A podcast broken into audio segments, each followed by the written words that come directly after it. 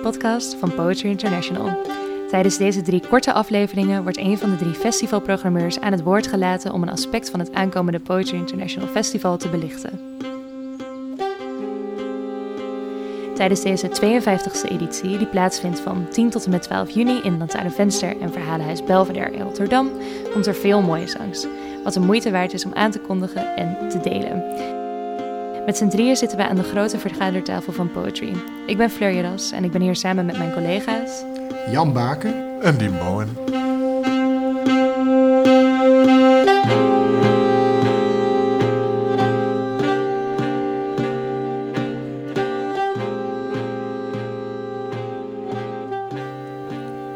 Mijn naam is Jan Baken, ik ben programmeur bij Poetry International. En ik ga iets vertellen over het komende festival, het 52e, en het thema daarvan. We zijn heel erg blij bij Poetry dat we uh, voor het eerst sinds twee jaar weer een echt compleet festival met publiek, met podia waar van alles gebeurt, kunnen organiseren. En wat we gebruikelijk doen bij Poetry is proberen om een thema aan het festival te koppelen. Een thema wat niet alleen uh, maatschappelijk relevant is, wat heel erg over deze tijd gaat, ook uh, stilstaat bij wat er op dit moment actueel is en wat mensen bezighoudt, maar ook een thema wat tegelijkertijd um, ook in de poëzie zijn beslag krijgt. Omdat de dichters zich tot dat thema uh, aangetrokken voelen of daar druk mee bezig zijn, omdat het een deel uitmaakt van hun eigen poëtica, van hun eigen manier om met taal, met een poëzie te reageren op de werkelijkheid waar ze deel van zijn. En in dit geval, dit, dit festival is het thema Body as in of Poetry. En daarmee willen we eigenlijk tot uitdrukking brengen dat we drie soorten van benadering hebben waarbij we de relatie tussen het lichaam en de poëzie proberen um, te duiden, te, te signaleren, te laten zien en te laten horen. Als je het uit elkaar trekt, dan is body as poetry, um, zou je kunnen zeggen, dat is het lichaam als een uiting van poëzie. En um, dat zou je kunnen zeggen is eerder, raakt dat aan de houding die je bij vele dichters aantreft. Uh, want dat is ook waarom we dit thema zo interessant vonden. De houding die je bij veel dichters aantreft om zich bewust te zijn van het lichaam, ook in het schrijfproces, in het proces van maken, van vinden van, van, van je poëtische uitingsvorm. Um, want dat is iets wat wel een hele tijd bestaat. Het is niet iets wat. Uh, je kunt natuurlijk snel de idee hebben dat een lichaam iets uh, cerebraals. Uh, of dat poëzie iets heel cerebraals is, dat er eigenlijk het lichaam niet in, geen rol in speelt. Maar dat is dat is niet het geval. Ja, het hem bijna als een, als een voertuig voor je hoofd. Ja, precies.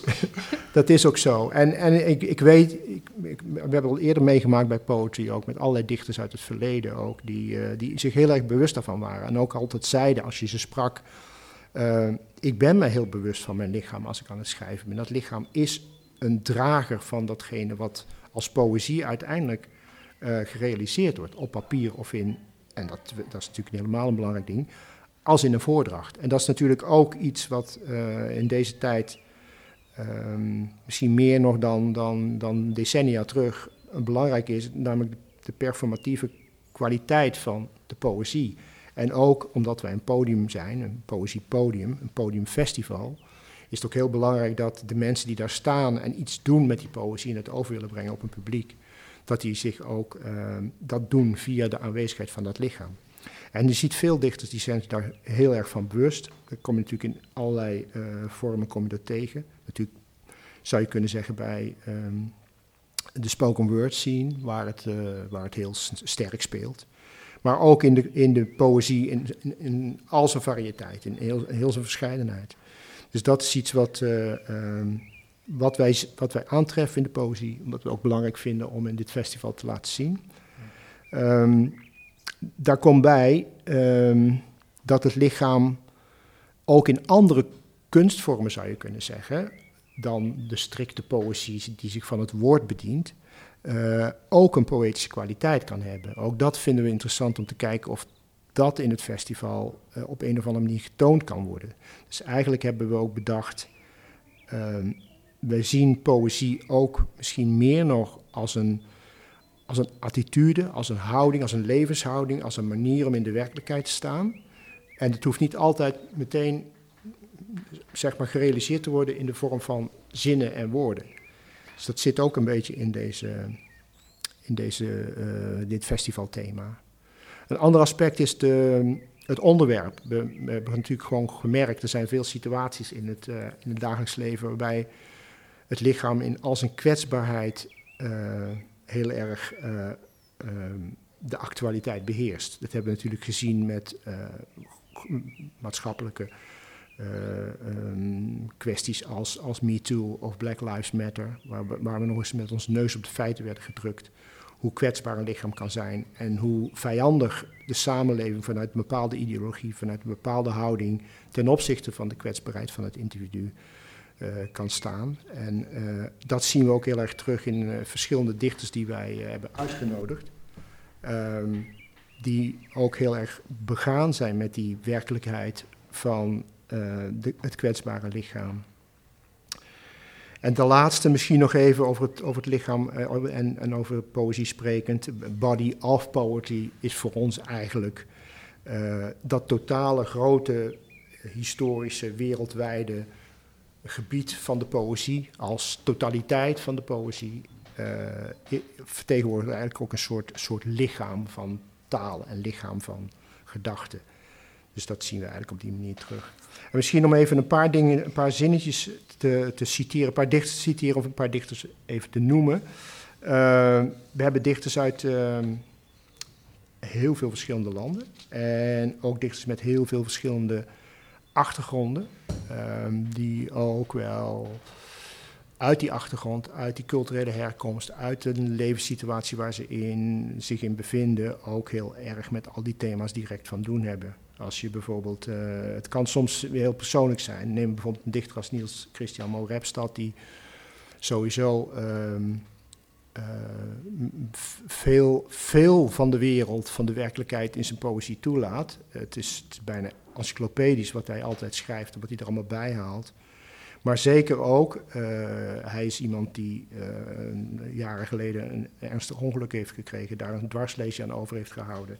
En dus ook met de fysieke kwaliteit van zijn lichaam van dit moment uh, ook, ook laten we zeggen, poëzie voortbrengt, poëzie schrijft. Die komt er terug in zijn werk, ziet het terug in zijn werk. En in een van, die, van de gedichten die hij gaat lezen tijdens het festival zitten een paar mooie, het zit vol met mooie regels, maar om deze te noemen. Ik heb een hart in elke hand en knijper theorieën over liefde uit. De medische geschiedenis stelt vast dat ik het verkeerde orgaan beet heb. En een tweede, uh, uit het werk. Je overleeft je tijd, maar vertelt het me nooit als de cellen metastaseren. Je denkt exact en ik weet dat je twee paren van parallele zijden wil om vierkant tot in de dood van me te houden. Dus typisch een. Ja, het is gewoon ook een dichter die het, je, je, je, je wordt meegenomen op een soort reis waarbij je het niet altijd vanzelf in de schoot geworpen krijgt, want je wordt wel uitgenodigd en verleid om uh, goed na te denken over wat je hoort. Maar je zal in dat werk zien dat het echt heel erg uh, veel facetten per zin soms uh, behandelt. En het is ook wel echt een wereldreis, zou je kunnen zeggen, dankzij zijn woorden, naar, naar allerlei uithoeken van, van het bestaan. Ik heb een vraag, als het mag, tussendoor. Natuurlijk. um, want Jan, jij hebt het thema bedacht natuurlijk van het festival dit jaar. En ik vroeg me af wanneer je daar ook voor het eerst op kwam. Zeg maar met welke thema's jij eigenlijk bezig was of met welke onderwerpen ja. toen je over dat lichaam na begon te denken. Want het moet al in jouw hoofd hebben gespeeld voordat je dat uh, aan dit festival hebt vastgeplakt. Ja, dat, dat, dat nou, het, het, had natuurlijk heel erg te maken gewoon ook met hoe je uh, in de maatschappelijke realiteit allemaal dingen tegenkomt. Ik bedoel, op het moment dat, dat MeToo zich openbaarde en Black Lives Matter... en natuurlijk wat er gebeurde met de police shootings en zo in Amerika... weet je, dit soort, nou ja, uh, een soort besef, of in ieder geval een constatering van, van, van innerlijke walging. Want dat merk ik zelf ook, weet je. De, de manier waarop, je, waarop die actualiteit bij je binnen kan komen is ook heel erg fysiek. Dat, dat, vond ik, dat merkte ik wel. Weet je, op het moment dat je dan je probeert voor te stellen wat er gebeurt, zoals met de dood van George Floyd bijvoorbeeld. Ik, toen ik me dat probeerde te visualiseren, toen dacht ik ook, ik voel bijna die knie op die nek, weet je wel, of die, die noodkreet van ik krijg geen adem. En de, alleen het je voorstellen bijna, dat vond ik al een fysieke ervaring. En, uh, en ik zag het ook wel veel terug in, in, in, uh, in, in poëzie. En het begon eigenlijk al, al jaren geleden, want ik kan me herinneren dat bij een festival echt al een aantal jaren terug, dat ik een interview deed met Erin Murray, de Canadese dichteres. Nadat ze had opgetreden poetry. En zij, had, zij vertelde toen ook heel uh, overtuigend en op een manier die, die voor mij een eye-opener was, hoe haar fysiek lichaam een rol speelde bij het schrijven. Ze, maakte het ook echt heel erg duidelijk. En ik, ik, heb dat altijd onthouden. En op de een of andere manier zag ik het steeds terug in allerlei, uh, in werk van allerlei dichters. Uh, dus dus nou ja, dat, die maatschappelijke actualiteit, dat mij dit is bijgebleven van eerdere dichters. ja, dat was, ik vond het zo evident eigenlijk.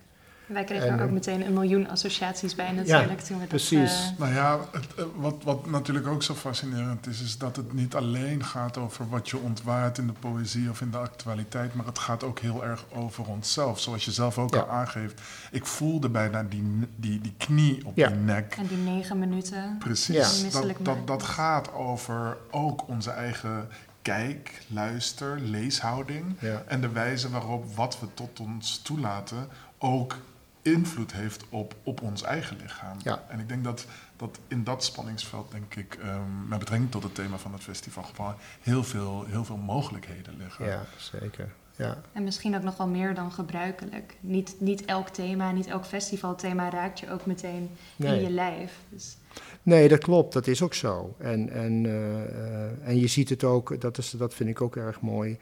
Dit is, dit is typisch een soort thema. Wat, wij proberen natuurlijk altijd een festival te maken wat de hele wereld zou kunnen omspannen. De dichters komen overal vandaan. En dit is echt zo'n thema waarvan je merkt en weet en ziet.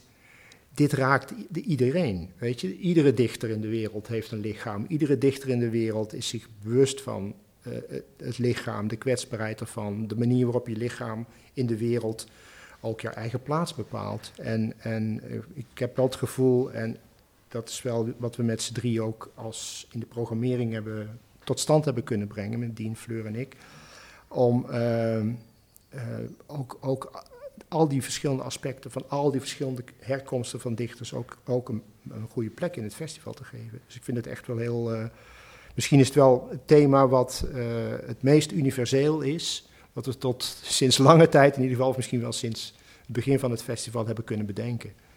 En dat is wel echt eh, erg de moeite waard. Zal ik nog, ik doe nog één, één stukje eh, tekst ehm, om de mensen nog een idee te geven van, eh, van de poëzie die je kan horen. Dit zit niet uit de festivalselectie, maar ik wil iets, iets lezen van Athena Farrokhzad, Zweedse dichteres, ehm, die bij ons eh, ehm, op het festival zal staan. En dit vond ik mooi hoe ze dingen formuleert. Je ziet eh, dat zij bijvoorbeeld een eh, veel gedicht heeft waarin je ook eh, dat fysieke heel erg terug ziet, maar ook wat bij meerdere dichters speelt, dat is een beetje een opvallend iets wat toevallig zo uitpakt, is dat er ook heel veel re- relaties liggen bij de dichters naar familie, familierelaties, naar vaders, moeders, eh, eh, andere familieleden. En soms is dat, is dat niet altijd geruststellend en eh, gezellig, maar het, het speelt, wel, speelt wel bij meerdere dichters een rol. Mijn moeder zei, alles doorploeg je op jacht naar iets om te verdraaien. Mijn moeder zei, enkel de regel die mij aan het huilen maakt, vind jij de moeite waard om op te tekenen. Mijn moeder zei, je bouwt gedichten van mijn tekortkomingen en dan zeg je dat het niet aan mij is om over de gedichten te treuren. Het is confronterend midden in de psychologische duisternis terecht te komen die oorlog heet, waarvan het nieuws ons gewoonlijk op een oppervlakkiger niveau bewust maakt. Mijn broer zei, ik had zo'n wonderlijke droom, dat de vroegte in mijn ogen stierf voordat de slaap geweken was. Een mensdom van suiker en slachting. Toen ik afscheid nam van het licht, wist ik alles.